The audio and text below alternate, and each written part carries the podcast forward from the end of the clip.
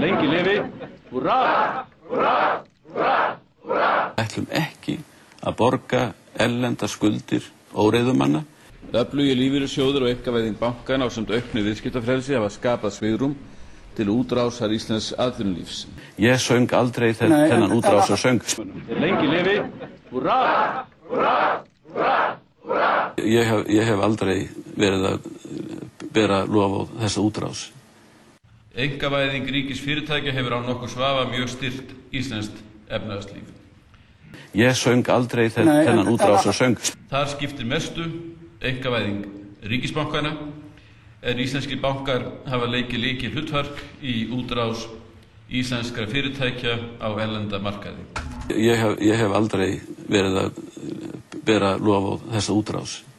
Ég fannst hún alltaf vera mikið fyrðuverk. Eins og vissstjórun sagði þá er veitt svo vel hér að það er ekki hægt að klappa þannig við verðum að hrópa húrra fyrir þessum. Þeir lengi lifi, húrra, húrra, húrra, húrra.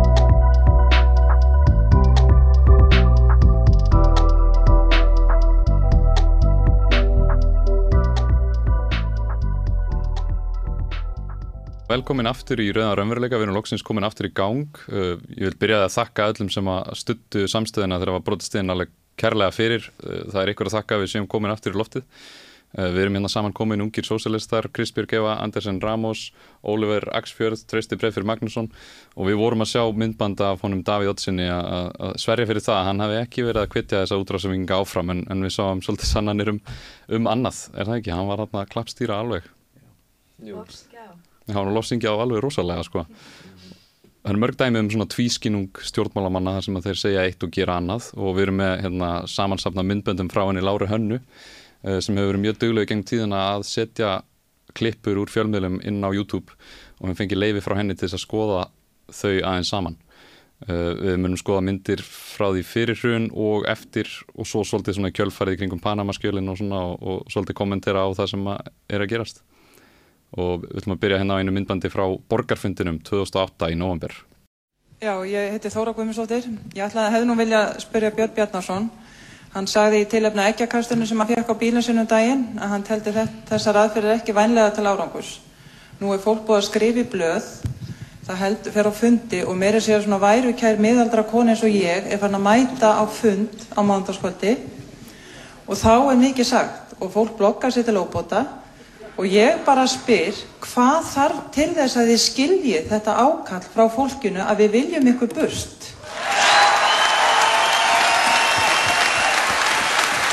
Takk fyrir þetta kæla. Þóra spurði, uh, hvað þarf til að þið skiljið að við viljum ykkur burt?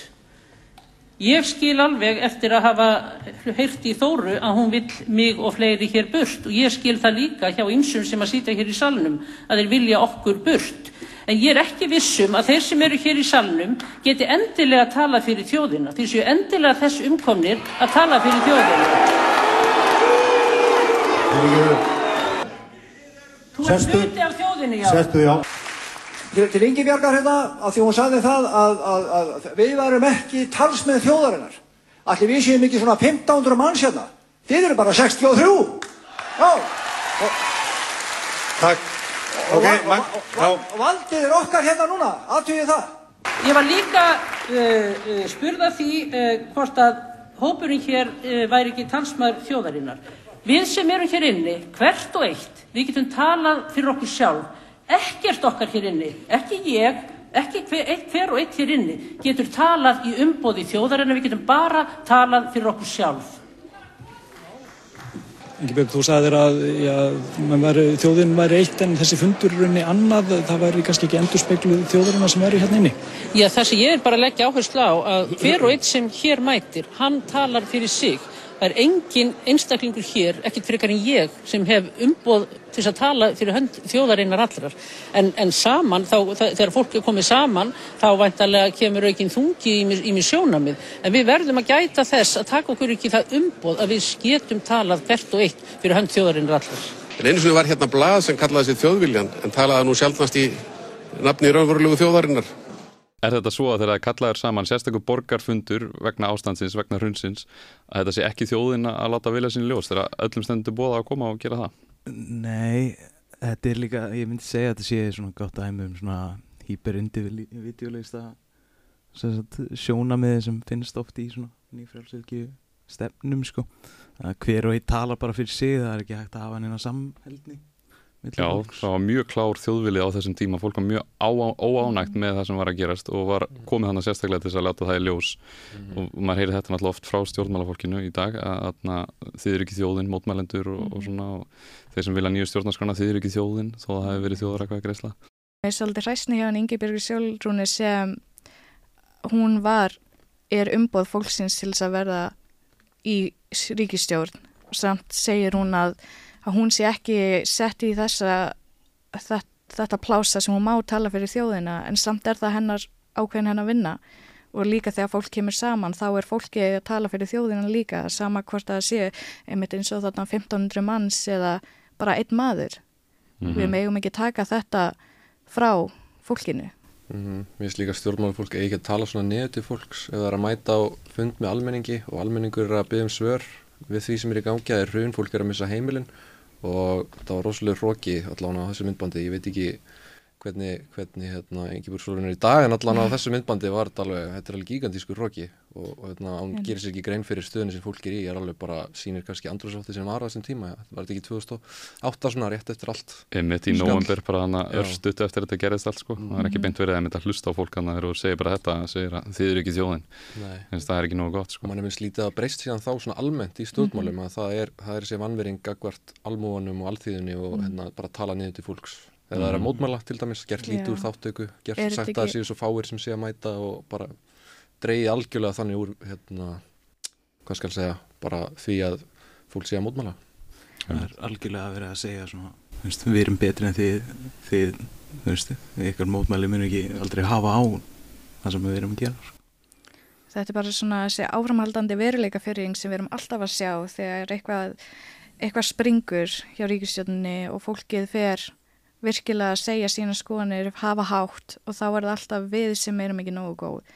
Við erum, það þau halda við séum þessi veruleika fyrsta, fyrsti hluti en þau get aldrei sett sér hort á sjálfa sig og sett sér önnur spór og lítið verið að taka ábyrð á því sem þau, þau hafa gert eða því, ábyrð á því sem fólk er að reyna að fá svör við og, og þrá fram til göndunum Svo er líka þessar rosalega siðferðslegu kröfur gagvart þeim sem eru undir í stígveldinu að hérna, eins og þarna var eitthvað dæmi tekið um að ekka við landa á bíl hjá einhver, einhverjum þingmanni og það er rosalega kröfur alltaf settur almenning að við verðum að vera svo kurteist, þið verðum að vera svo þú veist, þið verðum að, að rise above it, þið verðum bara, hérna, þú veist, bara take offer the other chin, skilju, en það er aldrei sagt við stjórnmálafólk að það verða að vera þú veist, above it all, það er aldrei mm. gerað þess að síðferðslegu kröfu til þeirra, það er alltaf mm. eins og að það gera mestu kröfunar og þá sem að eru með minsta kapasiti til að gera það, sérstaklega þau eru að missa heimilið sín, þannig að mm. þetta er bara mjög skiljanlega reyðið að fólk kasti einu eggi á bíl, þú veist, að ja. guð með guður verið hlutir á að gerst, sko. Þau farið ádreits yfir egginu þegar þúsundir er að missa heimilið sín. Einmitt, engin samkend. Það er alltaf, alltaf svona einhvern veginn, það má vera ofbeldi af þeirra hálfu en um leið og raunverulega það er eitthvað, einhvers konar meira svona rótækri aksjón sem er gert af hálfu þess sem eru raunverulega undir, mm. þá er það alltaf einmitt svona, neða þetta má ekki, þetta, þetta, er, þetta, er, þetta er að skada. Já, mm -hmm. sko. Ég held að það sé bara svo skýt rættstundum. Mm -hmm. Já. Vita, þú veist, þau vita að við erum fleinu þau. Já, þau vita það. og þau, þau líka í mörgum tilfellum held ég að þau viti upp á sér skömmina þau vita alveg hvað þau gerði ránt þau vita og þau eru bara að reyna að komast upp með það sem þau vita að þau mm -hmm. hafa gert ránt mm -hmm. og tala, talandu um það að þá er ég með við, við þekkjum flest kannski vona ég allan á okkar kynslu uh, þegar það var sett lögban á stundina. Þau máttu ekki fjalla um viðskipti Bjarnar Benediktssonar yeah. og, og frænda hans og pappa uh, með hlutabröðin í glitni þannig rétt fyrir hrjun þá satt Bjarni hérna, fjárlega nefnd og hafði innherju upplýsingar um raunverulega stöðu glitni og þau byrjuði bara að forða sér undan bankanum og þau vissi að þú, það er eitthvað mjög slænt í gangi hérna mm -hmm. en það sem ég hef verið minna um er þegar að það var sett lögban á umfyllun Rúfs um skjöl sem á Wikileaks lag uh, um leyendur kaupþings og við horfum á smá hérna fréttaskýringu frá því. Síslumadurinn í Reykjavík setti rétt fyrir frétti lögbann á umfjöllun ríkisútvarpsins um risavaksnar lánafyrirgreislur Kaupþings til fyrirtækja eigendahóps bankans. Kaupþing fór fram á lögbannið í dag og fallist var á það nú fyrir 5 mínútum. Gott kvöld, nú hefjast fréttir, lögadaginn 1. ágúst, samt ekki allar þær fréttir sem ætlum að segja ykkur. því að í kvöld ætluðum við að greina frekar frá risavöxnum lánafyrirgreiðslum kaupþings til fyrirtækja eigenda hópi bankans. Við getum það því miður ekki. Síslumæðurinn í Reykjavík samþykti nú rétt fyrir frettir beðni kaupþings um lögbann við byrting og umfjöllun um trúnaðargögn frá stjórnarfundi bankans í september í fyrra. Þar var fjallað um lánveitingar til stærstu viðskiptavina bankans. Bæði gamla og nýja kaupþing vildu stöðva byrtingu gagna að fundi lánanemdar í september. Þar var fjallað um lánastöðu einstakra viðskiptavina og áhættu þeim tengda. Lögmenn kaupþings vísa í lög um bankaleind. Þar kveður ekki aðeins á um þagnarskildu allara sem vinna í böngum og fjármálastofnunum, heldur tekur þagnarskildan og bann við byrtingu einnig til þeirra sem komast yfir slíkar upplýsingar. Ríkisútarpið hefur barist gegn lögbanninu á þeim grundvelli að þessi málskrein sé of víð og þurfi því að tólka í samhengi við aðstæður hverju sinni. Í þessu tilfelli vegi almanahagsmunir þingra en bankaleindin. Þá bendi ríkisútarpið á að þegar séu seint að banna íslenskum fjölmiðlum byrtingu gagna sem þegar séu í almennri dreifingu á netinu þar sem hver sem er getur skoðaði að vild. Upplýsingunum var lekið á netið á síðuna Wikileaks sem sérhæfi sig í að hýsa trúnaðurgögn sem einhver vill leka. Fréttastofan hefur vitnað til gagnana í fréttum undanfarið og fleiri fjölmiðlar hafa fyllt í kjölfarið. Kaupþing reyndi árangurslaust að fá stjórnendur vefsíðunar til að fjarlæga gögnin af síðunni. Lögbann síslumanns er bráðabyrða aðgerð gegn byrjuðum eða yfirvofandi atbyrði. Slikt bann dugir í viku. Eftir það þarf dómsúrskurð fyrir áframhaldandi banni við byrtingu gagnana. Svolítið áhugavert að þau eru að fara fram á þetta bann þegar þessar upplýsingar liggja bara fyrir og aðri fjölmiðlar eru að fjalla um þetta. Ég, held að ég átti sér alveg á því að, að til þess að svona einn meðal manniski að fara í raunverulega í því að kynna, í það að kynna sér þetta alveg almenlega þá þyrti umfjöllun á hálfu einhver sem getur raunverulega útskýrt málega betur fyrir þeim að því að fólk er svona upp til hópa held ég ekki mjög mikið fyrir það að sækja sér upplýsingar beint í sorsi eða svoleið sko mm -hmm. og þetta er náttúrulega mjög bara, þú veist, greinilega einbyrtir brotavili hana fyrir hendi að, þú veist, koma í veg fyrir að fólk skilji málið. Einmitt, og það kom sinni ljós að þannig voru, þeir voru, þeir voru að stunda klæpsamlega starfsemi, veist, mm -hmm. að, þannig að síslumæðurinn hefur verið að hjálpa til við að fela glæpi, sko, mm -hmm. sko. Myndið nokkuð tíma að fara í svona rótækar aðgerir þetta væri ekkit raunverulega að setja hana bakvið, mm -hmm. veist, að, að reyna að fá, einmitt, lögban á umfjöllin um þetta sem er náttúrulega fáránlegt skref til að taka sko. Það er oft mikið lindarhaugja í þessum öngum hérna, og eins og sæðir myndist líka á að setja lögban á, á viðskipti Bjarnar Bena hann hafi dreigið sér til sjóðu nýju og svo er hann að, hérna, hvað heitir það, kvolf hérna, lindarkvolf Lindarkvoll, já, Lindarkvoll, já. Mm -hmm. þannig að það er, er nóg, að, fela í þessum heimi og mm. það og eftir, já mitt, maður er svona veldið fyrir sig hvað fólk er, hefur að fela ef það er alltaf að krefast lögbanna Mhm. og hérna, eitthvað með ekki fara fram í dagsljósið hvað er, hvað er fólk þá að fela og með þessar reglur um, um bankalind og svona hverjum er þetta að þjóna veist, Mhm. þetta virðist bara að þjóna glæbamönnum eða fólki sem er að gera eitthvað mjög slæmt Eh, þetta er ekki að þjóna hinnum almenna, almenna bara landsmanni sem er að reyna að eiga í sig og á þú veist, maður, já Geta, geta almenni lögbrjótar sett lögbann á umfjallandum rannsóknir á sínum brotum? Nei, það er ekki hægt. Geta ekki farið Réttilega til, ekki. Geta ekki farið til síslumanns og beðið um lögbann? Nei, ég mitt, akkurat sko það sé, það hefur farið í gegn er líka fyrir mér eiginlega bara farulega stegi þessu sko Mhm. svo mikið brota á raunverulega svona uh, leiði til umfjöllunar um sérstaklega málefni sem að við kemur allir þjóðinni sko Mhm. Já, ég veit ekki hver á síslumæðurinn þarna en eins og í Bjarnar Björnmálinu þá var það mjög hliðhollur síslumæður sjálfstæðisflokkni sem að setti það lögbann á þannig að þetta er alveg allt, allt svona, kerfið er svona hannað með á, hagsminn ákveðin að aflaða leðljósi og það var klárað þannig í því máli að það var bara svona lojalisti sko sem að kom því banni á. Bara ekki gegsa í, í þessu kerfi sko. og það, maður spyr sér líka hverja voru þá afleiðingarnar fyrir fyrir inna, þessa gæja með bankana. Mm Mhm. þeir komast bara alltaf í, í gegnum þetta einhvern veginn án þess að eitthvað gerist. Og það var bara ótrúlega sorglegt að þetta sé bara gerast aftur og aftur fyrir framann okkur.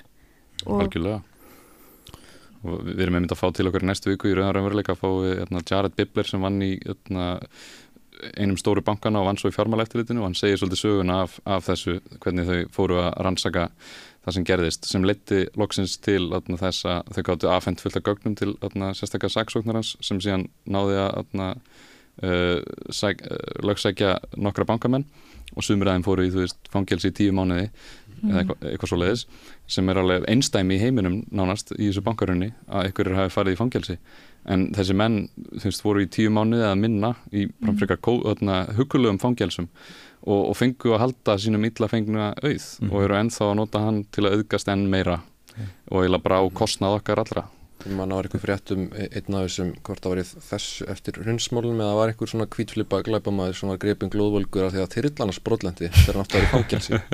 Það hefði ekkit, ef að það hefði ekki gerst þá enginn fatt á neitt þannig að maður veldi fyrir sig hversu sko hvort það sé meiri sem verið að fara eftir þessum mjög svo óströngu reglum í þessum fangelsum. Það er Mhm. mm. ekkert verið að fylgjast með þeim fyrst að menn geta valsað um á þyrillum Ég, ég vil meina að þetta hafi verið meira bara svona time out fyrir þá af því að þú veist þjóðin var öll í offorsi bara mjög reið út í þessa einstaklinga. Koma þeim í smá skjól frá hérna pesendunum Já, já, ég, Ég held ég að- vil meina að verið það. Að róaði náttúrulega líka fólk og það vakti svona ákveðna að fólk það hvatti fólk meira að sjá ok, núna eru þeir komnir í fangilsi en voru þeir virkilega að hugsa sinn gang eða voru þeir virkilega að sjá eftir því sem þeir gerðu í fangilsunum voru þeir bara ekki að hafa gott ég held Mhm. að þetta hafi bara verið einhvern veginn svona tákn til þess að en að pínu bara svona Se, sefa reyðin í fólki já, akkurat það. Og þeir eiginlega bara fengið tíma til þess að slaka eins á og hugsa næstu skref. Já, bara Einmitt. fritt fæðu húsnaði í smá Mhm. tíma og luxus og þægindi sko og og, já, þyrluferðar og nú er einmitt Ólafur hérna, sem að, var úr Alþani málun, ég man ekki fulla nafnið hans en hann fór einmitt inn og, en nú er hann að koma tilbaka til Íslands með fullta peningum að fara í risastóra uppbygginga og íbúðum til þess að leia út, verða eitthvað svona risa leigusali sko. á, á tímum í, með þessa húsnæðiskrísu sem við höfum sko. sama fólki og, og gerða verkum að fólk misti heimili sín komið mitt inn á leigumarkaðin og sópaði upp eignunar þannig að þetta var tvíverknaður. Það var ekki bara það að þeir voru að láta fólk missa heimili sín heldur hérna dansuður reyla gröfinu og fólki með að taka sér nýbúðunar og stofna leigufélag þannig að þetta er alveg viðbjöðslegt sko. Já, hryllingur sko. Maður velti fyrir sér hvort þú veist, ég held að það sé ekki beint planað en þetta er einhvern veginn hvernig Það- kerfið er og það leið, einhvern veginn ítir alltaf undir að svona aðilar og, og svona starfsætir og viðskipta módel gangi betur upp og, og fái stöðut að vera stærri og, Mhm. og ástandi verið verra Það er oft þannig þegar það er hrun sko að menn býða eftir að hrunið komi til þess að geta nýtt sér. Þú veist, Mhm. það, þannig að maður velti fyrir sér sko hvort að sumirarna hafi verið það einmitt að átt að sjá því hvað var að gerast og verið tilbúinir þá bara með leigufélagin í startinu, gamma og allt þetta var bara nánast reddi beint eftir hrun sko. Veist, þannig að það var rosalega það var að fá rosalega mikið ótrým íbúðum hana, þegar fólk misti íbúðunar og nú er þessi leigufélag hérna valsandum og á ekkert að gera. Þannig að við erum Mhm. ennþá að glíma við rosalega traumatískar afleggingar á hruninu. 100% það er stundu sagt Mm. þó sumir players séu alveg rosalega slæmir og kannski verðir að, að hata svolítið en, en þetta er systemið meira Mhm. það er hvernig kerfið liggur algjörlega kapitalismi Mhm. Við erum með þetta næsta myndband þar sem fólk er að mótmæla fyrir utan Sæðalabankan. Það er að fara fram á það að Davíð Oddsson víkjur embætti. Kíkjum á þetta. Davíð Oddsson var hvergi sjáanlegur í Seðlabankanum í morgun en þar komu tæplega 100 mótmælendur saman til að krefjast afsagnar hans. Davíð síndi snildartakta þegar hann Mótmælendurnir við Sælabankan skiptu liði í morgun. Einn hópur stóð vaktina við aðalingang bankans en hinn vaktaði bílakjallaran. Við erum bara að passa þeir menn sem eiga að fara, eiga að fara, eiga ekki að fara hérna inn. Og þetta getur við gert ráð fyrir að það verði mótmálastæða lík þessari þar til að Davíð fari úr Sælabankanum. Já, því ekki. Það er ætlininn. Það er, já, já, það verður að mótmæla því harkulega. En maðurinn sem allt snýrist um var hvergi sjáanlegur. Já, hann leit sér bara hverfa. Hann var ekkert eitthvað tilbúin að hitta mótmælenduna. Heigult move. Mm Frekar. Hann Lætti sér hann út. Hann hefur vitað upp á sér skömmina held ég. Mhm. Já, lættist hann út hérna bakdæri megin var Já, það? já. Já, já, einmitt. Mhm. Og hörðu Torfason hérna, í fremsta, uh, fremstu línu náttúrulega eins og hann var hann á þessum tíma. Uh, skellum okkur bara næsta myndband. Við erum með hérna uh, fullt af stjórnmálamönnum að lofa okkur um þjóðrakvæðgreislu uh, um ESB. Ég er sammála því að það verði þannig að það verði stöðvar þessu viðræður. Það verði ekki farið það sem ríkistöndin kallar að hægja á eða gera hlýja sem eru við ekkert annað en bara að halda áfram og bara farið hægar. Og síðan verði þjóðratkvæðagreisla og þjóðin fá að segja sinn hug í því hvort hún vilji klára þetta eða ekki.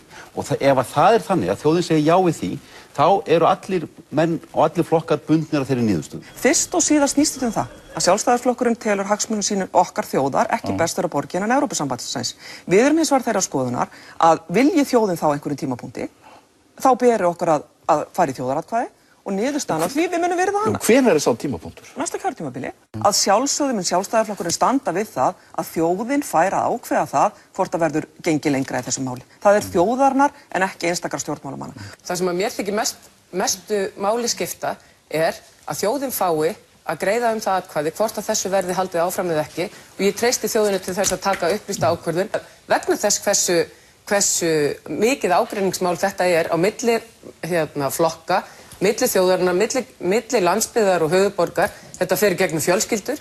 Eina leiðin til þess að, að, að komast að niðurstu um það hver, hvert skuli halda núna er að spyrja þjóðina.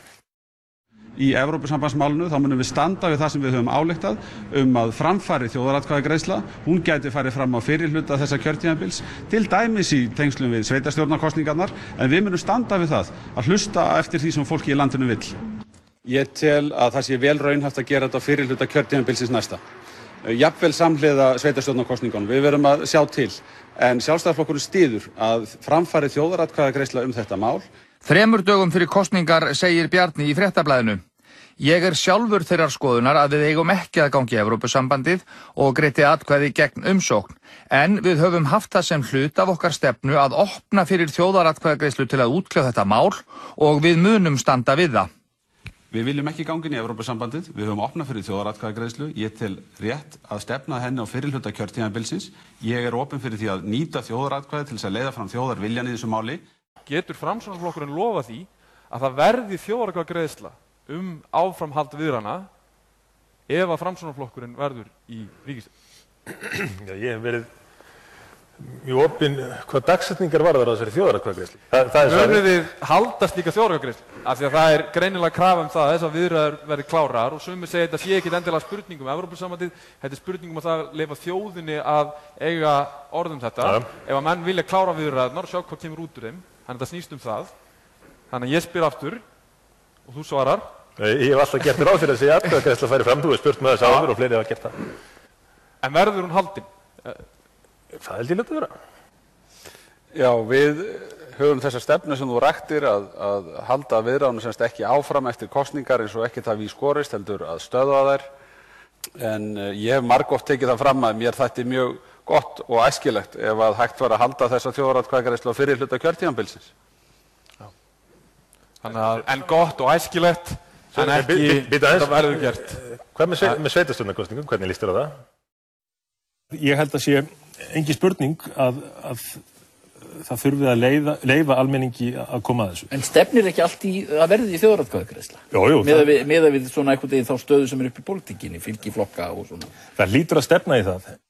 Ég er alveg til í að, að hafa kostningum þetta strax eftir kostningar, ef það er það sem minn vilja og ná saman um það. Á stóru fundi á Nordeka Hotel hérna, fyrir einhverju vikun síðan, það verið 500-600 manns á þeim fundi, þá sagði Bjarni Beintsson nákvæmlega útlýsta hvað þetta þýtti. Það þýtti það að þessum viðræðum verður hætt, þar að við erum ekki að halda áfram þessu aðlögunarferli, en síðan verður, og hann nefndi sérstaklega á fyrirluta kjörtífambilsins, myndi fara fram slík þjóðaratkvæða greiðsla.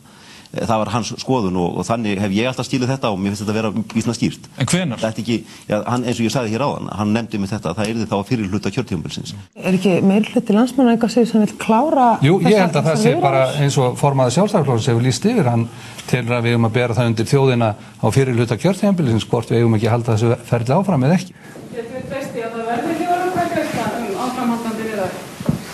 Að sjálfsögðu kemur til þjóðaratkvæða Það var nú ekki mikið að marka þetta. Það er svolítið súrt að horfa á. Já, þetta er nefnilega frekar súrt að Lí horfa á. eftir lí eftir lí eftir lí. Hvað þeir hefðu bara sagt nei strax? Mhm. Það hefur verið betra. Það hefði verið betra. Það Það, var- hefði gefið okkur líka um eitt uh, meira aðgengi að upplýsingum og kannski mómali. Þá er ekki náð, náð kostningu og farið í ríkistjórn. Já, Ah, var- já, það kannski um það. það. var, það var pól- pólitísk klókt í þeim. Þeir Já. náðu kostningu út af þetta lofvort. Þetta var allt, allt á fyrsta eh, sem sagt, kjörtímabili eða hana eftir, eftir kostningar sko. Við varst líka mjög áhugavert hvernig sagt, uh, svo sem hann að fréttamaðurinn eða blaðamaðurinn sem að var að taka við á sviðinu Mhm. hann, hann kallaði þetta út sko sagði, já það verður gott að blessa en ekki þetta verður gert Mhm. þú veist, þeir lofuðu aldrei raunverulega upp í ermina á sér að þeir lofuðu aldrei Mhm. þeir voru alltaf að nota mjög svona, svona Loðið svar. Já, og kannski, kannski dæmið, en sjálf, sjálfstæðismenninir voru ansi harðir á þessu. Já, Bjarni Mm, sagði að við munum standa við þetta, við munum nefna þetta en Sigmundi var svolítið svona, við vildi ekki alveg ganga það langt. Maður velti fyrir sér, þú veist, fólk sem að kýs sjálfstæðisflokkin, en kannski sérstaklega þau sem að, að voru að sækjast eftir þessari þjóðureika greiðslu að, þú veist, hugsaði þau sig ekkit aftur tvisvar um þegar, þegar þau eru svíkin svona, þegar, þegar stjórnmálamenn eru að ganga algjörlega aftur af orðum sínum. Það sé ekki meira svona, eða svona kemur þar sterkar einn vægi svona lojalistinni við flokkin Já. sjálfan Það var náttúrulega eftir, já, fyrir ekki. Allt ekki.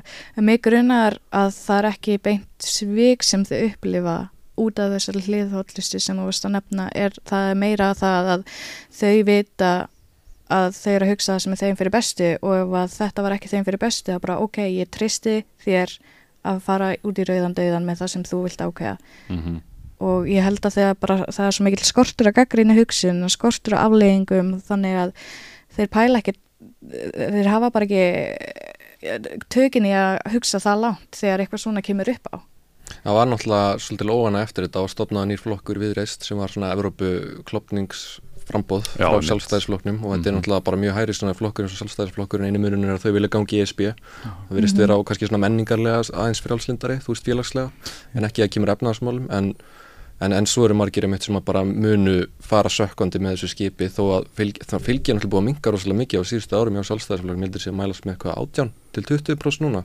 Mhm. þannig að hægt og rólega er að, er að minka þeim fylgja ef manni finnst þetta mitt ótrúlegt hvað er samt mikið sko miða við hérna en það er kannski svo margir sem hafa hagsmuna að, þeir séu völd. Og mér finnst alveg magnað að Bjarni sé ennþá formaður sjálfstæðisflokksins eftir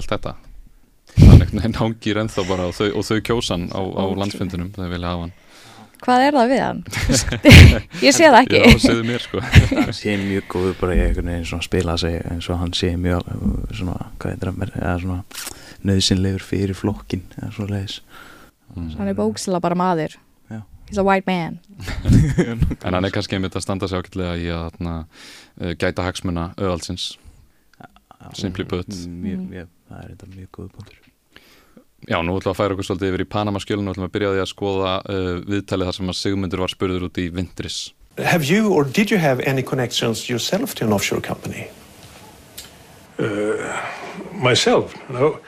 Well, uh, the uh, uh, Icelandic companies, and I, I have worked for Icelandic companies, had connections with offshore companies. Even the uh, the what's what's it called? The um, workers' unions.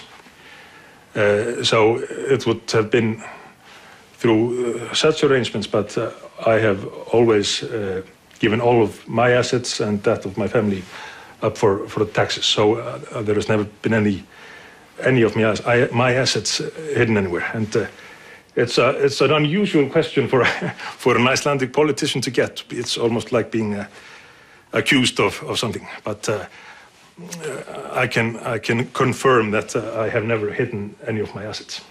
Sorry for being rude. That's not what I want to do. I just wanted to ask you personally that. Uh, so the case is that you have never had whatsoever any connection to an offshore company yourself. As I say, uh, my uh, assets have always been um, up on the table. Mr. Prime Minister, what can you tell me about a company called Vintris? Well, uh, um, it's a company, if, I- if I recall correctly, which is associated with one of the companies that I uh, was on a board of, and uh, it was uh, ha- had an account, which, as I as I mentioned, has been uh, with the tax uh, uh, on the tax account since it was established. So now I'm starting to feel a, a bit strange about these questions because it's like you are accusing me of something when you are asking me about a, com- a company that uh, has been o- but- on my uh, tax return Yeah, but. I, it's, it must be okay for me as a journalist to ask the Yes, Prime Minister about personal... But, but, uh, but you are indicating that I have not paid uh, taxes on it. No, I'm just asking you Okay, questions. okay. So, so, but to go into the details, I would like my partner to do it in Icelandic because I don't have the details uh, to discuss it. Akkur hefur ekki, hefur það ekki sagt frá Ég skal- ég því skal að þú væri þetta- ég skal tengdur- taka þetta viðtal við þig sjálfa, en Nei, akkur hefur ekki sa- sagt frá því að þú væri tengdur aflandsfélaginu Vintris Herru, ég skal veita þér þetta viðtal eh, þú erum í viðtalinu núna sem þú getur svarað, þú ert Já. fórsættisráð þeirra þjóðarinnar þú getur, þú getur svarað þessum spurn- spurningum Vegna þess, eins og ég var að lýsa hérna áðan, þetta kemur fram á skattskýslunum minn og hefur gert frá upphafi. Það er verið að reyna að gera einhvað tortryggilegt sem að ég hef gefið upp alla tíð. Þú segir að þú hefur, hefur gefið þetta félag upp. Algjörlega. Eh, akkur gafst þetta ekki upp í hagsmunaskráningu þingmanna uh, eftir þú varst kjörn á þing? Vegna þess að hagsmunaskráning þingmanna náði til tiltekina atriða og öll þeir atrið sem hagsmunaskráning þingmanna næri til voru gefin upp. Og þessi, eh, þetta sem þú ert að tala um eh, var einhvað sem var búið til af einhverjum banka á, á sínum tíma en gefið upp frá fyrsta degi. Þannig að, að Átt þú þetta félag eða? Þetta- Konan mín seldi hlut í, í fyr- fjölskyldufyrirtækinu, það fór í einhverja umsjón í bankanum og bankin setti um eitthvað fyrirkomulega af því og úrvarð þetta fyrirtæki eða, eða ég kann ekki einu svona át allt saman, en allt gefið upp skatts frá upphafi. En hvaða eignir, hvaða eignir er í félagi? Hvaða eignir er í félaginu? Ég meina, þú, þú byrðir Við, ekki... við vitum um það, við vitum um það að Vintris er var kröfuhafi og er kröfuhafi í föllu bankunum. Já, ég, ég, þú ert að spyrja mig um hluti sem ég er ekki einu sem búin að kynna mér. Þú seldir þinn hlut í félaginu fyrir 1 dollara Nei, nei, nei. 2009. Ég er Þú með ert gott- að spyrja mig um einhverju tóma vitlisu. Þú plata mig í með og förstu undir- fórsetum. ég- er með undirskriftina hérna hérna sekundu. Já. Viltu sjá hana? Já, ég meina, þetta er bara... But with all Ekki respect, heima. Mr. Prime Minister, it must be, it must be okay to, to ask those questions. Já, einmitt. Sko, Á gamla stað 2009. þegar þú spyrir mig að koma í viðtal, það verður ekki með tækifæri til þess að kynna mér það sem þú Þú, ert að þú, spyrja um. þú hlýtur að vita um félagi. Þú seldir konunni þinni félagi, helmingi félagi fyrir 1 dollar. Ég er bara að se- segja, seldi ég konu. Já. Ég var ekki eins og giftur á þessu tíma. Ég er bara að segja þér að, ég er bara að segja þér, er Þeir eru allt verið gefið til skatt frá upphafi. Af Þannig að er eru verið að, af þeir hverju eru er verið ekki að gera eitthvað tortryggilegt sem að er ekki tortryggilegt. Vita, vita félagina í in defense að þú hafðir átt uh, aflandsfélag sem var atrið- hvaða kröfuhafi? atrið er að reyna að búa til hérna? Sigmundur, þú hlýtur að geta svarað þessum spurningum. Þú ert fórsættisráðherra og þú hefur ekki komið hreint fram. Gripin glóðu volkur Þú ert Eh. forsættisráðara, já. Þetta er eitt besta vídeo sem ég bara, ég elskar svo mikið að það sé til, að það hafi gerst Mm Þetta er alveg verið blaðamennska þannig. Mhm. Alveg tekin á teppið. sko. Ég held að hann hafi nefndi mitt þrísvar án þess að það voru einhverjir ásakanir þið eru að ásaka mig, þið eru að ásaka mig um eitthvað Þetta er byrjað að hljóma eins og ásökun Já. Já, ok, það er þú sem ert að gera þetta Einmitt. Þetta er ekki einstæmi að, að, að stjórnmálamenn taki ekki fram ímislegt í hagsmunaskráningunum sinni. Núna síðast, uh, allan það sem ég veit af þá á, ásmundur Einar hérna, barnamálaráðara, hann var að leiða út íbúð á uh, Borganesi Mm. á, á heiminháa upphæð þar sem að búa hérna, her, held ég erlend verkafólk. Ríkalega aðstæður og hann einhvern veginn sleppur við að taka fram í hagsmunaskráningu. Mhm. hann skilur ekki alveg hvernig, hvernig þetta getur gerst, ég fatt það ekki. Já, þetta er Ég skil ekki alveg líka af hverju hann er að uh, sko, hv- hvað er pointið með að setja þetta í álandsfélagi ef hann er að samt, að samt búin að taka fram, ég skil ekki, þú veist, er ekki pointið að komast undan skatt eitthvað veginn? Mhm. eða þú veist, hvað er pointið með þessu ef hann er að, að ég, ég skil ekki alveg bara ég skil, ég skil ekki nákvæmlega hvað var að fara fram að nýjus öllu þetta er bara mjög, þetta er svo flókið allt. Var hann ekki bara að reyna að berga raskandina Jú, algjörlega, algjörlega, Mm. en bara þetta vintrist dæmi allt, sko, hvað, þú veist, bara allir þessi dítilar í aflandsfélögum, maður á svo rosalega eftir með að skilja þetta allt saman, en, en hérna, svo ótrúlega, Við, eftir því sem ég man sko þá seldan atna, félag s- sem hann átti til konuna sinnar á bara eitthvað fáranlega lága uppæð svo þau getur færta til útlanda til þess að, einmitt að, að komast undan skatti. Svona skatti sem þú greiðir þú ert að selja hlutvendalega þá, Já, held ég. En, en svo segir hann tekur það fram, hvað er þá pointið með að setja þetta í aflandsfélög, ég skil það ekki heldur. Mm. uh, Var, var, var það staðfest ekkert Nei, hann, seg, hann sagði hann að við tekið þetta fram, ég veit það ekki, hann er kannski bara eitthvað að bylla sko. hann hefur 100% ekki tekið þetta fram Nei, það getur ekki verið fyrst að maður að þessu. Þá er, er þetta defeating the purpose, sko. Þú ert að taka það fram, þá ertu, þá ertu að borga skatt á Íslandi. Þá, ég skil ekki hvað, hva, já, okkur er menn þá að vera að þessu. Já, ætla hann að ekki vera bara að ljúa. Jú, örgulega. Fyrst skipti. Nei, nokkulega. Sigurður Ingi var spurður út í þetta þegar þetta gerðist, þegar Ventris viðtali kom fram og þetta er viðburinn hans. Eðlilegt að, að fósinsræðurinn og konan hans segi stórar upphæðir í, á Tortóla? Það eru þetta augljóslega talfitt flókið að eiga pening á Íslandi og það er ekkert að því að fólk sé efnað á Íslandi. En að eiga pening á Tortóla? Einhvers staðar verða peningarnir að vera. Ég er ekki vissum að, að umræðan um það ef að fórsetisráþara frúin hefði verið með miklum fjárfestingum í Íslandi og hún væri í meira jafnvegi. En þetta eru svona stóra fjárræður og þetta er eitthvað sem almenningi býst ekki upp á að, að hafa peninga þarna. Það er alveg aðstöðu munur. Fólk, fólk hefur misjafnar aðstæður. Fólk hefur vissulega misjafnar aðstæður. Mm. Það getur nýtt sér uh, önnur tækifæri. Er þið með eitthvað í aflandsegum? Já. Fyrir fjölum. Það er flókið að eiga, eiga peninga í Íslandi. Já. Já, einhvers staðar verður að vera, sko. Það er oft þessi umræðum að þetta sé kannski ekki ólulegt en þetta er klárlega síðlust, myndum maður halda. Já, ef þú ert, hérna, ert ráðamaður aðstíði ennbæðismæður Íslands að þú sért að komast undan það er borga skatt á Íslandi, það er væga sagt mjög síðlust, já. Mm -hmm. Það sendir sérna raungskilabóð. Og þau ert kannski að segja, setja fram fjárhagsáallanir um að hérna, við höfum ekki efna á auka við heilbriðstjónustu eða mm. mentamálið eða neitt og svo ertu sjálfur einn af þeim sem er ekki að borga skatt á Íslandi, það er svífirða. Það er ekki eins, og, ekki eins og þetta sé ekki verið að borga skatt af lámarslöðunum sko. þetta er mm. tölur uppæðir sem eru hana Það hlutfall er einmitt mikið meira á þetta lámarslöðunum þetta borgar hlutfallslega mun meira í skatt en, en þetta auðfólk mm. sem er bara fáránleg staðrind ja. sem á ekki að líðast Fjármæslegendur borga ekkit útsvar heldur í sveitafélag mm -hmm. eru samt að nota þjónustuna mm. og hérna ef maður bendur á það þá er einhvern veginn að í, svona í að maður sé eitthvað á móti efnuðu fólki með því en maður er bara að jafn mikið á launafólk Hvað er ekki í lagi að vera móta með fólki? Já, fyrir utan það, en þú veist, þetta er bara krafi um að, hérna, að veist, þau borgir bara fyrir samfélagi eins og allir aðrir en þeim finnst það rétt með krafa að efna meira fólk þurfu ekki að gera það. Ummitt, fara beint í þetta sko að, að, að það sé ekkert að því að vera ríkur á Íslandi sem að þetta í grunninn snýst ekkert um. Þetta snýst um að það verða að koma sér undan skatti. Það er ekki verið að greiða það sem maður ætti að vera að greiða. Einmitt og, og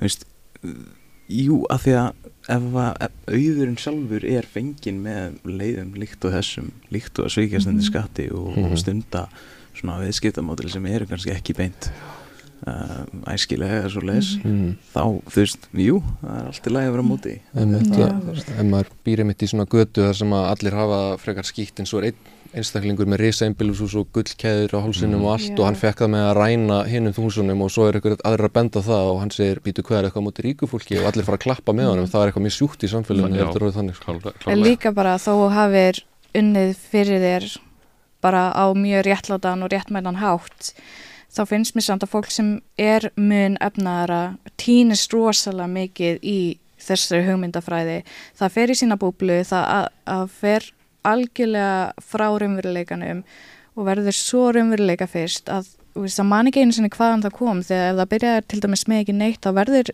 verður eitthvað svona breyting finnst mér á fólki, á hvernig það hugsa á bara hvernig það horfir á annað fólk mm -hmm. þannig persónulega finnst mér alltaf að ég vera móti efni fólki vegna þess að ég veit að þau tengja ekki eitthvað með mig mm -hmm. þau vilja helst bara ekkert hafa mig á sér eða bara mm -hmm. ég tengi heldur ekkert við þau Líka náttúrulega hlutvall svona nýríks fólk sem að byggði auðin sem upp sjálfur er töluvert minna.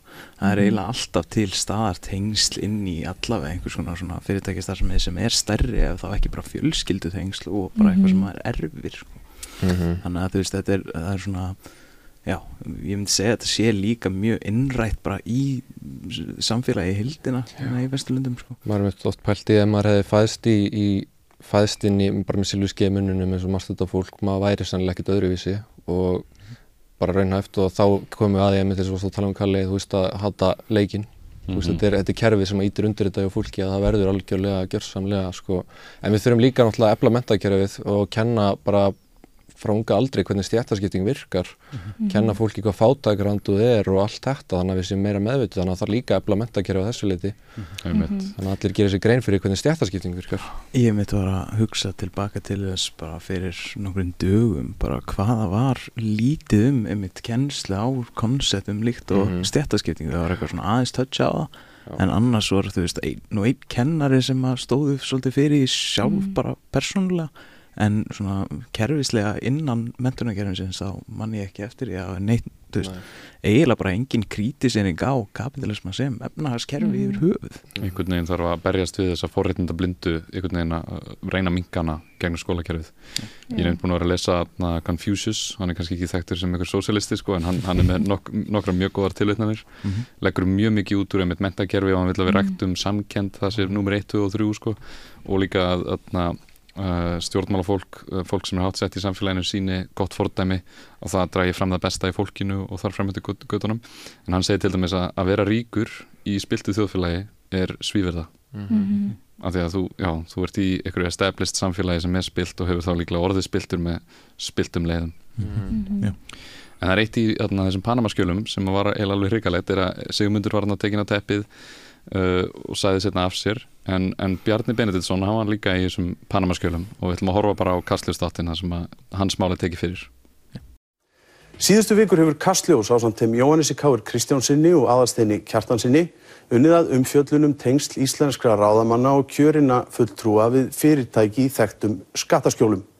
Og þrátt fyrir hrun, rannsóknarskýslur, yfirlýsingar stjórnmálamanna um aukið gegnsægi, síðareglur og hagsmunaskráningu hafði engin af þessum íslensku stjórnmálamönnum gert ofinbeglega grein fyrir tengslum sínu við þau fyrir en spurst var fyrir um þau á síðustu vikum. Félögin hafa þeir jafnvel átt í mörg ár. Auðvitað getur það ekki komið til greina að við ætlum að fara að greiða fyrir uh, gögna þessum toga með uh, ferðartöskum af, af, af seðlum til einhverja uh, huldumanna. Þegar þessi orð fjármálar á þeirra fjallu í fréttum sjónvas hafði verið tekist á um heimildir skattrannsóknarstjóra til að kaupa skattagögnin í næstum ár. Nokkrum dögum síðar mætti Bjarni því í kastljós. Það er áreitt eða hann vilja sinn til að liðka fyrir kaupunum. Um það voru hann og skattrannsóknarstjóri sammála. Hefur þú sjálfur átt viðskipti í gegnum það sem hefur verið skilgreint sem skattaskjól, átt þar eignir eða, eða ég fari með peninga í gegnum svoleiðis apparönd? Nei, ég hef ekki verið með neinar eignir í skattaskjólum. Ég hef ekki verið með neitt slíkt og á engin hlutabrif eða neina slíka hagsmunni í dag. Þannig að þú hefur aldrei átt, átt uh, eignir eða átt viðskipti í gegnum þessi svokvöldu skattaskjól? Nei, það hef ég ekki gert. Innihald gagnana sem um var rætt og skattrannsóknarstjóri kefti stuttu síðar stangast á við orð Bjarna í kastljósinu. Gögn Mossack Fonseca sína að Bjarni var einn eiganda aflandsfélagsins Falsson Co. frá því í desember 2005. Meðeigandur Bjarna í Falsson Co. voru Baldvin Valdimarsson, frangatastjóri og einn eiganda Málningar EHF og Ægir Birgisson, fyrirvandi starfsmæðu Klittnis og frangatastjóri fjárfestingafélagsins Reik EHF. Heimilisfangið var í 10.000 km fjarlag frá Íslandi á Seychelleyjum. Hlutaféð var 20.000 dólarar. Uppsetning þess var hefðbundin. Landsbankin í Luxemburg óskaði eftir skúfufélagi úr hillum Mossack Fonseca og tók frá félagið Falsson Co. Með fylgdi stjórn og frangatastjóri. Þar voru kunnuglega andlit, George Allen og Carmen Wong, líkt og í félagi fósettisráþara. Landsbankin gaf síðan fyrirmæli um prókuru hafa Falsson, Bjarná og félaga hans tvo og að raunverulegir eigundur verið þeir henni sömu. Óskað var eftir því að hlutabrið Falsson eruðu gefin út á handhafa og spurt hvort nokkuð þurfi að skrá brefin á þremmenningana. Eftir hrun landsbankans í oktober 2008 fekk Mossack Fonseca beðni um að hlutabrið Falsson og Co. eruðu skráð á nöfn Bjarna og viðskiptafélaga hans en ekki handhafa. Falsson og Co. hafði þá verið sinjað um að færa viðskipti sín úr landsbankanum yfir til banka í Luxemburg þar sem raunverulegir eigendur Falsson og Co. væru ekki skráðir fyrir því.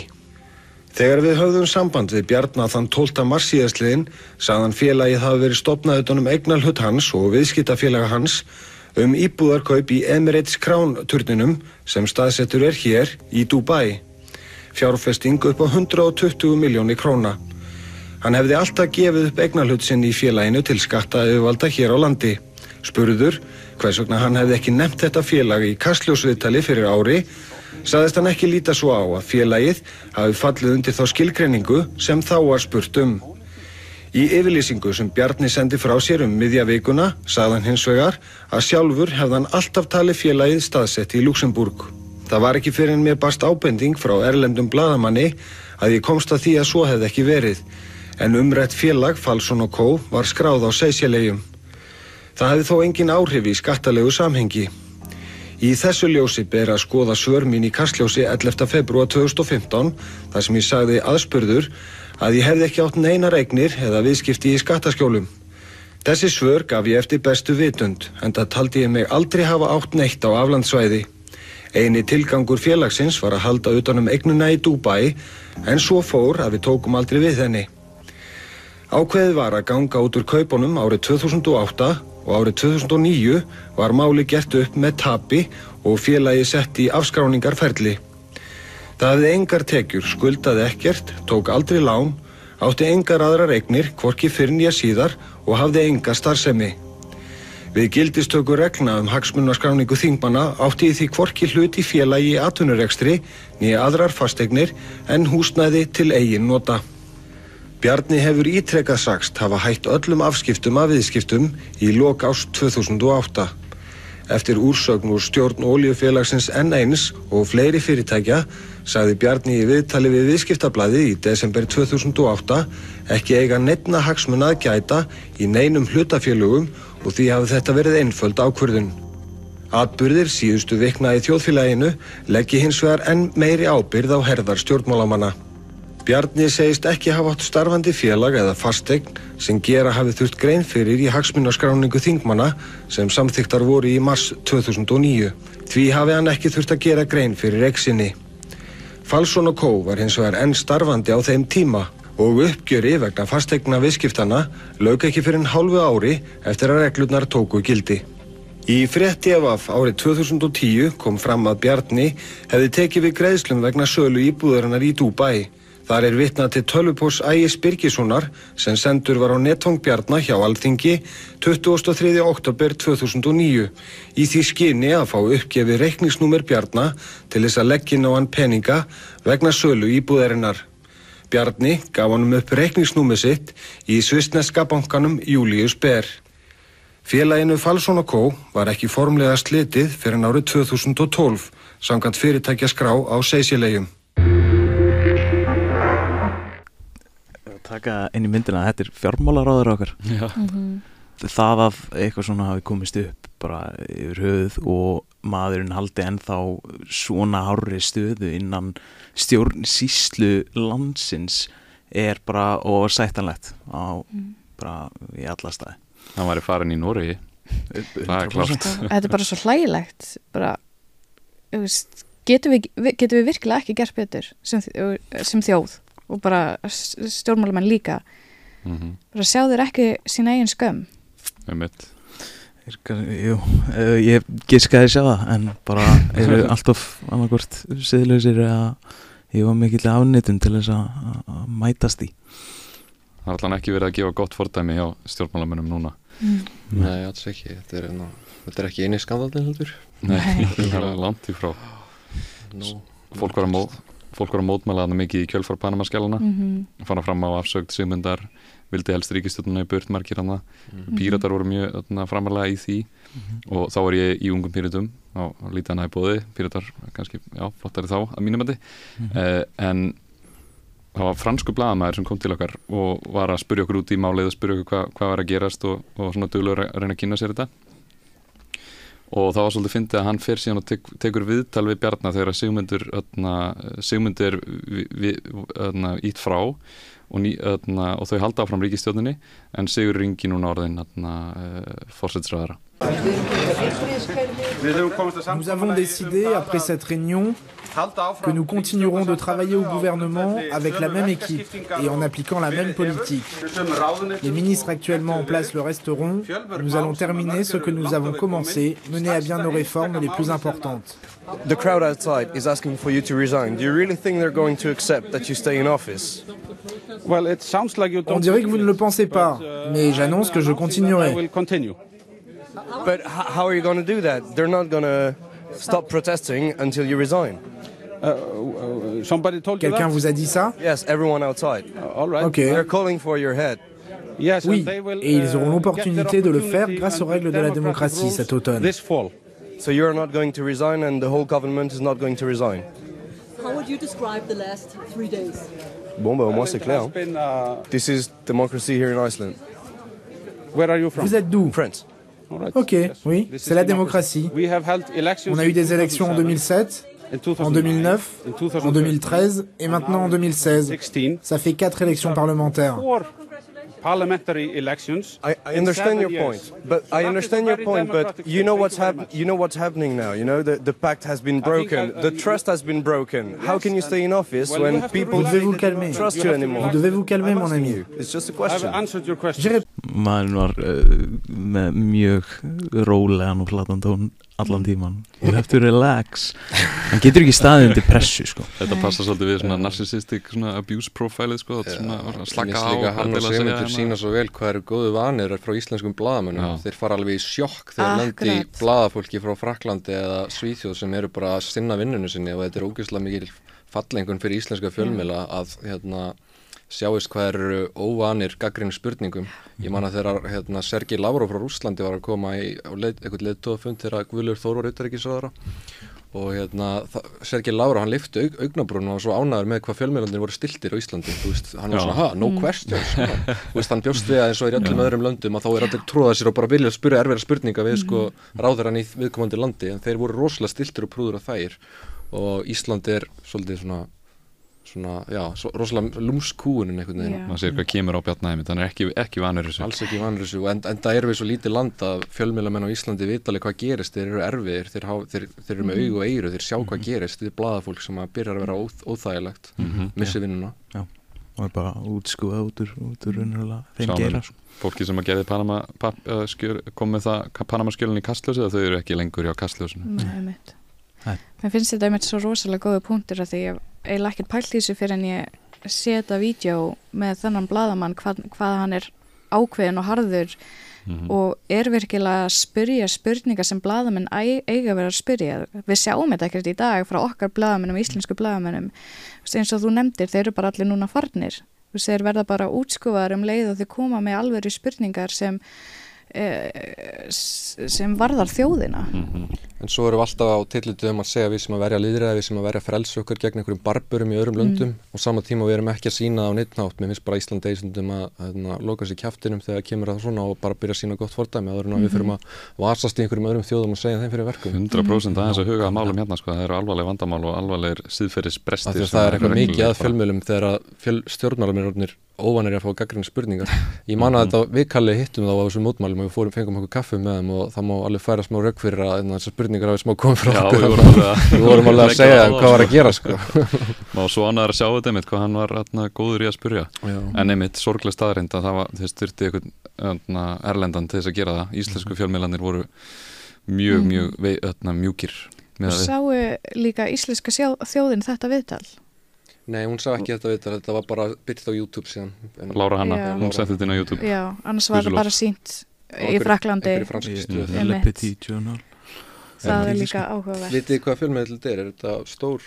Uh, ég hef Heitir um hann áður Hann heitir Le Petit Já. Ég, ég, Ég held að hef sé heyrt um hann, en sæmilega stór Kannski sko. þetta svona anti-establishment fjölmiðl eða eitthvað. Gæti verið sko uh, Næsta myndband sem við ætlum að sína þar er atna, Þórður Snær að taka viðtal við Katrínu Jakobsdóttir þegar að að Sigriður á Andersen er búin að uh, skipa landsrétt og hún gerði Mhm. það á svolítið ófagmænlegan hátt getur maður sagt í, Mhm. í góðum, ef maður orðaði það vel Skápir er auksluð, ég meina við höfum líka verið að rífast um þetta í ansi mörg ár hvenar það sé til hliðilegt að stjórnmálmenn þurfi að axla einhverja pólitíska ábyrð með því mögulega að stíga til hliðar. Uh, við erum til dæmis með eitt ráð þeirri þinn ríkistjótt sem uh, hérastómur komst að þeirri nýðustu hún hafi brotið lögu skipun dómara í september og nýðustu hæstaréttar er að vænta í því máli. Rættuðu það eitthvað í stjórnarmyndunum veraðinu hvernig er tekið á þeirri nýðustu? Ef Nú er- er að þann vega nýðustaði hérastóms er, í- er í staðfest? Nú er eftir að sjá niðurstöðu hæstaréttar og uh, í þessu máli og niðurstaða hérastóms, þar eru þetta gerðar aðtöðsendir við, framkvæmt, uh, við framkvæmdina á þessu máli sem eru ekkit ósambarlegar þeim aðtöðsendur sem ég gerir sjálf við framkvæmt þessa máls. En pólitíska ábyrð, uh, hún auðvitað er að mörguleiti menningabundin. Við skiptum ekki, uh, ég held að það sé það sem skiptir mestu máli í stjórnmálum á Íslandi og þá er ég ekkert að tala um þetta mál frekar en einhver önnur mál. Að hér hefur auðvitað ekki verið mikið höfð fyrir því til að mynda ráðherrar uh, segja af sér eða eitthvað slíkt, það hefur bara ekki verið hluti af menningunni og ég held að það sé mjög erfitt að breyta því yfir nótt, bara sem að segja það alveg hreint út. Það er ekkert sem við gerum 1, 2 og 3, það er ekkert sem við gerum með, með einhverju reglusetningu og öðru slíku. Mikilvægast að hlutverk mitt að minnstu kosti sem tengist því sem ég er að ræða hér um síðarreglur og hagsmunarskráningu og hvernig við tölum um, við tölum um mál þegar þau komu. Það er að reyna að stöðla því að við tölum um þessi mál með kannski nýri, nýlega, öðruvísi hætti en gert hefur verið. Finnst þér í lægi að ráð þeirra sem stýrir þessu ráðunetti, dómsmálaráðunetti, fái á sig dóm frá hæstarétti? Já, það má þetta ræða það að ráþeirar hafa nokkrir hverjir fengi dóma í gegnum tíðina fyrir brot, uh, lögbrot í sínum embættisferslum. Já, já, en þú, en þú stendur með Sigriði Andersen í þessu máli. Já. Þú, þú ert að tala um núna að horfa til framtíðar og, og bæta kerfið og bæta það hvernig staðið er að þessu, en stendur þú með henni? Ég stend með því sem ég sagði í vor og tel að það hef verið staðfest í dómi hæstaréttar. En í vor kallaði ég ekki eftir afsökur áþerans ef það er það sem þú ert að vísa til og ég geri það ekki núna og hef ekki almennt uh, lagt það í vana minn, hvorki stjórnarhanstöðun í ríkistjórn að horfa endilega á það að ráðherrar ber að segja af sér þegar svona hlutir gerast heldur verðum að horfa á það hvernig við getum látið þetta kerfa virka þannig að það sé hafið yfir vafa. Í ljósi þess að, að þetta mál, þarna er ráð þeirra þessa málaflóks, uh, með þetta mál, lands, skipun í, í milli dómstig Mhm. og, og, og hæsturittur kemst að þessari niðurstöðu. Ba- Ég meina, hún geti þá verið í ykkur öðru ráðuneyti, ég meina, er, er, er, er vera hennar í þessu ráðuneyti? Mhm. Mikilvægast Finnst af þér öllu, þetta skipta... já, mér finnst það skipta öllu máli hvernig við lærum að þessum dómi. Mhm.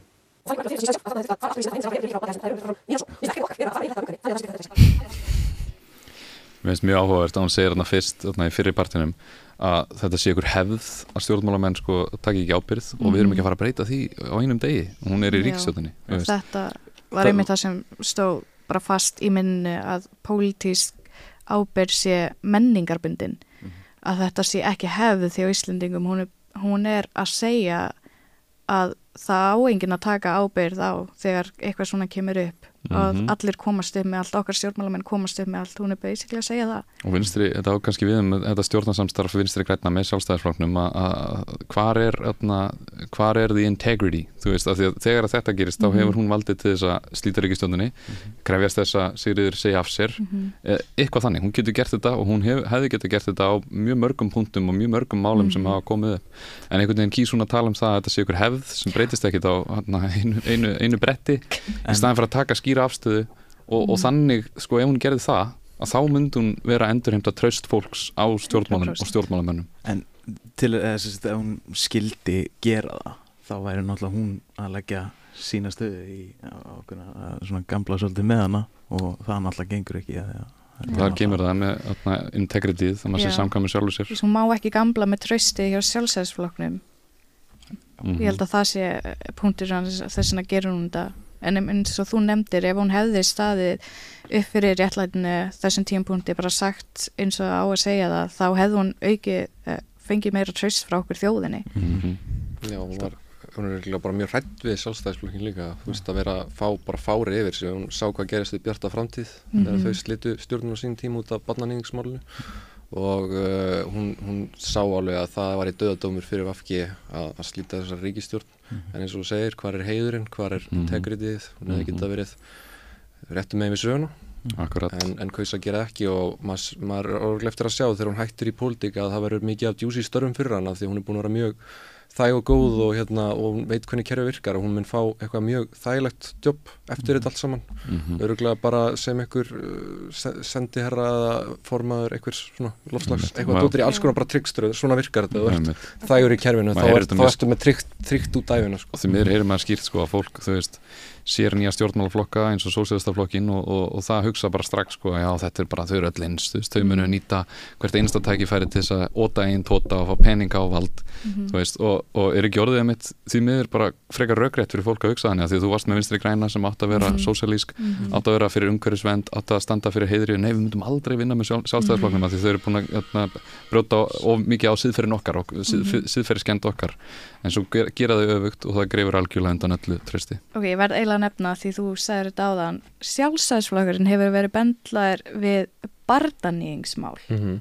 Mm -hmm. er það ekki bara ha mm -hmm. og, og þeir ennþá stæsti flokkurinn mér finnst þetta bara sjúkt ég held að þetta er sem það sem maður er búin að basically gleyma þeir hafa örgulega lagt mikið í það að fólk gleymi með þessum punkti að þetta ja. hafi einhver tíma verið mál hjá sjálfstæðisflokkinu mm -hmm. Náttúrulega, maður ætti að fara að tellja upp alla skandala sjálfstæðisflokksins eh, bara senustu ára tvíina það náttúrulega er svo mikið að Þetta er mjög, óstjórn, þetta er mjög óstjórntækur flokkur hann er það bara, þeir tala alltaf um aðri síðan, mér finnst þetta mjög óstjórntækt hvernig er, er að Mhm. hérna, fara með valdið Mhm. Það er mjög mikið bara að rosalega mikil bara, bara glundröðu sem er að skapa en það er Já. eitthvað allir rosalega meðverkjum félagslega veist, það ítir undir óstöðuleika mm Mhm. -hmm. tókstreitu og spillingin eikst þú veist, Já. á öllum lögum samfélagsins Mhm. það er eitt myndband sem ég vildi horfa með ykkur á í lokin og það er hans Lawrence Lessig, hann kom til Egil Helgason Helgasons í Silfrinu uh, og hann er professor í lögfræði við Harvard og hann var einna mikið þegar var verið að semja nýju stjórnarskrona og er að tala eins við Egil um hana Welcome to uh, Silvrith, Lawrence. Uh, how does an American law professor from Harvard get involved in uh, the writing of a constitution for a very small country like Iceland? Well, the process that Iceland went through to draft the constitution that came out in 2011 was literally the most inspirational process for drafting a constitution in the history of constitutions. Um, you know, the mix of beginning with this national forum, which had a random selection of 950 citizens who established the values that the Constitution should respect, and then an election of people to draft the Constitution, and then drafting in public with the drafts posted to Facebook every week, um, and then a final referendum mixes everything we think of as ideal in the project of, of drafting a constitution, both top-down experts who helped frame the question originally, but bottom-up uh, exposure and ongoing support. Um, and in the end, I, I think it's an extraordinary constitution. So, from the standpoint of uh, an American who yearns for a political system that could address constitutional issues as um, maturely and sensibly as Iceland did, um, it's an easy target of research. But, well, well, we can't say that the process has totally ended, but it went differently than, than well, people hoped for, and the election was not re- respected. Uh, the the, uh, The referendum. the referendum was not respected. Yeah, and I found that incredibly interesting because if you compare the Icelandic referendum supporting the Constitution to the Brexit referendum, you know, with the Icelandic referendum, you had a very serious process that produced a very serious document that had overwhelming support, more than two thirds support of the people who voted in the referendum. With the Brexit referendum, you had a completely uh, hodgepodge proposal that was thrown out there, uh, and the debate about it was unbelievably poor. And then it barely passes. But the difference between the two is the British, the British Parliament believes that if the people have said something through a referendum, they have to leap off the Dover cliffs uh, No. because there is no choice but to Yeah. follow the referendum. But in Iceland, extraordinarily, even though there was this referendum, the politicians believed that they were entitled to basically say thank you for your input, but we're going to go on with our with our uh, old ways. 2011 deserves enormous respect, and I can tell you around the world, Hmm. people look at Iceland and they say, why can't we be that sensible too? Do you think Iceland will pass its new constitution one day? You've spent a lot of time in Iceland, so you're quite knowledgeable about our society. Yeah, I, th- I am c- convinced that um, you will move in this direction. I'm not yet sure how quickly. You know, in 2016, if the kids had turned out to vote, you would have had a coalition in that parliament that had committed to making adopting the Constitution their prime uh, task. There was a number put together, and the Pirate Party and the Left Greens were at the core of it. Um, and of course, the kids in the Pirate Party just didn't turn out to vote. So the, the results were very different from what people thought going in. This is a general problem. You know, in the United States, if that demographic, 18 to 35, voted as frequently as people in my demographic did, demographic did, none of the catastrophes of the last 30 years would have happened. There would have been no George Bush, and therefore no war in Iraq. There would have been no Donald Trump. There would have been no Republican control of Congress in 2010 and 2014, um, because uh, you know it turns out most of us. most Americans actually favor the Democratic Party and policies towards the left. It just turns out that the people who favor that don't vote as frequently or as effectively as people on the right do. So, you know, I think this is a universal problem with our youth that they don't realize how responsible they are for just how terrible things are. Like, so I'm the first to say, look, we've governed terribly. Like, my generation has really screwed up hmm. for you kids. But on the other end, it's like, well, you could fix this if you just went out and voted. If you just voted, I don't care if you vote for Republicans or Democrats, that's not the point. The point is, if you voted in the proportion that we old people do, we would have a radically different democracy. And I think that was also true in Iceland in 2016. Það var mjög öfna, uh, niðurdreipandi kjörsókn hjá ungu fólki þannig 2016, mjög mikilvæga kostning um, mikið að gerast uh, en, en ég er ekki alveg sammálunum að þetta sé veist, aðalmálið sko Mhm. uh, það þarf að taka meiri þátt held ég veist, í, í stjórnmálunum, það er ekki nóg bara að kjósa uh, verðum að kjósa og taka meiri þátt Mhm. En þetta er mitt eina af frábærum leiðum til að efla líðræðsþáttöku um þetta eins og ég segi að maður ekki bara kjósa fjárarfresti heldur líka að móta hvernig landið Mhm. okkar virkar og þetta var Mhm. ein leitið þess og, og kannski ef við hefði hef þetta þau komið í gegn þá hefur kannski haft einhver rétt til að segja öðrum þjóðum hvernig þetta hérna, viðalda líðræði við við erum, við mm. erum gott dæmi um það að, að við stöndum ekki með líðræðinu þannig í þessu máli Nei. Ég held að sé líka einmitt ástæðan fyrir að margir, margt ungd fólk kýs ekki, hef ég heist, að að, að hérna, þau finnst þau ekki vera að hafa neina áhrif. Þau skil ekki alveg tilgangi með því að fara á kjörstað og kjósa eða jafnvel bara skila auðu. Um, og ég held einmitt með þetta, ef að fólk hefði meiri þáttöku, tæki meira þátt í mótun um, samfélagsins þá væri meiri kvartning til þess að fara út að kjósa að því þau eru þá að sjá hvað þau eru að skila af sér til samfélagsins. Mm Við hvetjum fólk eindrið þess og við erum Mhm. náttúrulega hérna í ungum sósialistum og ungir sósialistar eru opnir fyrir öllum. Mhm. Við fundum á 50 klukkan 8 að nákvæmt 50 dag, þau eru öll mjög velkomin. En, en þetta er algjör svíverða og bara óásættanlegt að nýja stjórnarskráin sé ekki komin í gegn. Einmitt. og eins og hann segir frá þú veist með Brexit að, að það var bara, þau, þau br- breska þingi hugsa ekki um það að fara gegn þessu. Að það var bara komið skýrt í orðakvæða greiðsla við gerum þá bara það sem fólki segir. Átt ekki að vera líðræði. Já, og lélegt líka með þetta að felta á einhverju tæknilegu atriði með, með þessa domstólu komið staði að kjörkassanir var ekki eða hvernig það var, eða kjörklefarnir var ekki Mhm. nógu háir í sentimetrum eða eitthvað svona, þetta er eitthvað bull sem að hefði engin áhrif á kostningarnar Það voru mjög mikið bla bla bla í kringum þetta allt og við hefum bara ekki að sæta okkur við það. Við hefum bara þessu. þess að það sé tekinu upp. Skjóta stundan. Svona Mhm. lágkúrulegt. Já, það er allir svolítið eins og Davíð Oddsson og hérna, hver var hinn að flýja, já, Sigmundur Davíð, flýjandi Já, engin ábyrð Skottið millir lappana Það er rosalegt hvað við þjóðin erum er búin að fá mikið á okkur frá ríkistjórni sem á að representa okkur. Það er ótrúlegt, ég var alltaf jafn hissa hvað við erum svo meðverk með þessu fólki. Bara ef að fleiri vissu að valdið er einmitt hjá fólkinu, ég held að það væri öðruvísi hugsunarhóttur, fólk væri kannski meira reitt ef þau væri ekki svona meðverk. Mhm. Algjörlega. Að því eins og ég nefndi, valdið er hjá fólkinu, við höfum svo mikil áhrif, við getum breytt hlutunum með því að taka þáttið mitt og með því að kjósa og með því að mæta á mótmæli.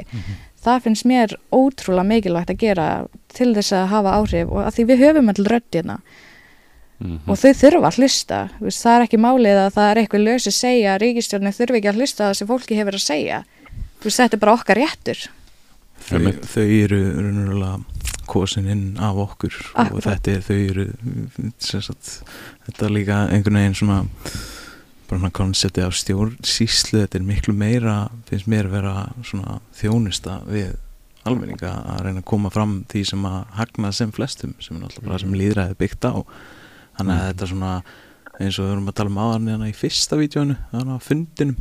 Borgarafundin, Já. þið eru ekki þjóðin sagði. Ingi Berg Solrún Mm. nákvæmlega þetta er svona, þetta er svo mikið svona elítu svona með eins og ríkistjónin sé yfir uh, raunverulega almenning hafin sem er náttúrulega bara ekki rétt Þú tala líka um menningu um Katrín og hún, það er ákveða menning hjá stjórnmálastjættinni, það er allir að sjá, sjá um hvern annan og, Mm. og líka þau, þau vita ef að þau eru ekki búin að tryggja sér eitthvað gott gig eftir að hætta þingmennsku þá þurfa að lifa líf, sama líf og allir hinnir. Mhm. Þannig að til þess að geta tryggt að þau fóðu góð störf eftir að þau klára þingmennsku eða að vera sveitað sinna fulltrúara þá verða það að vera svolítið lojal og þæg og gera góðverk fyrir fyrirtækin. Þannig að kerfið.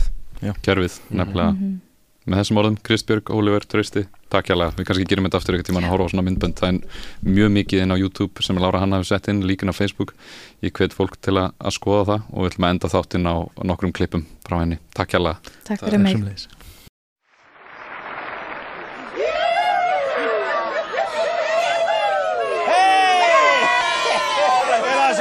krakka, sjáuðu mig, ég er aftur orðin bokking formaður. ég held að enginn treysti mér og hanna myndi mala þetta, en ég var! Það er allir búin að gleyma vapningsdrullunni og sjóa á svindlinu og N1 rugglinu og fylgistappinu og fjára flokksins og öllu þessu drasli og bara maka á mig aðkvöð. Þú ert líka með geðveikt líðið í kringu þig. Ég mun að Þorger og Katrín slappið 1700 miljóna kúlulam, skrapaði þessi smá frí, bara bing, bara bung, það er allir búin að gleyma þessu maður. Ítlíðið Gunn maður tók sjóni í neði, réttaður en glittir fór á hausinn, rettaði rétt af fólkin í floknum, skrappaði til bar hana, kom svo bara heim, alveg hvíkveginn! Jöfnvessi snillingar! Átni Jónsson, stafgrjóti, fór í grjótið, kom aftur út með kjartabór, miklu stærri grjót og swing beint á alþingin! Snillingar! Það með Tryggva Þór Herberts, merksauð allt úr Raskar Kapital, setti allt á hausinn, fekk geðveikan starfstokkarsamning og fullt af pening. Peningar, ég elska peningar. Hei, Geir Ríða Hansen, efnahags ráðgjafa ríkisins. að það er búin líka á hausinn, en Tryggvi, beint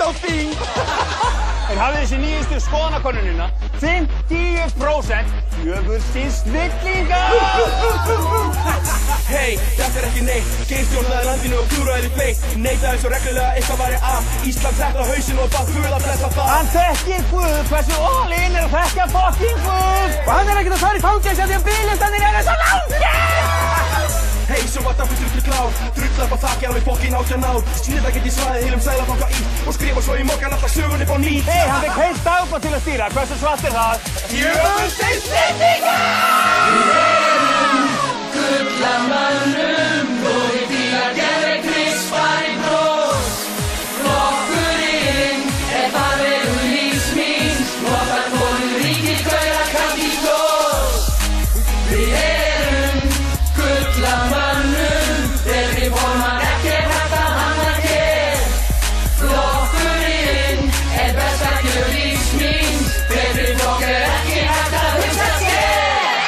Af hverju man enginn hrunið og tórt tóla? Af hverju er allir að gefa rálfuglinum að borða? Rólegur, rólegur.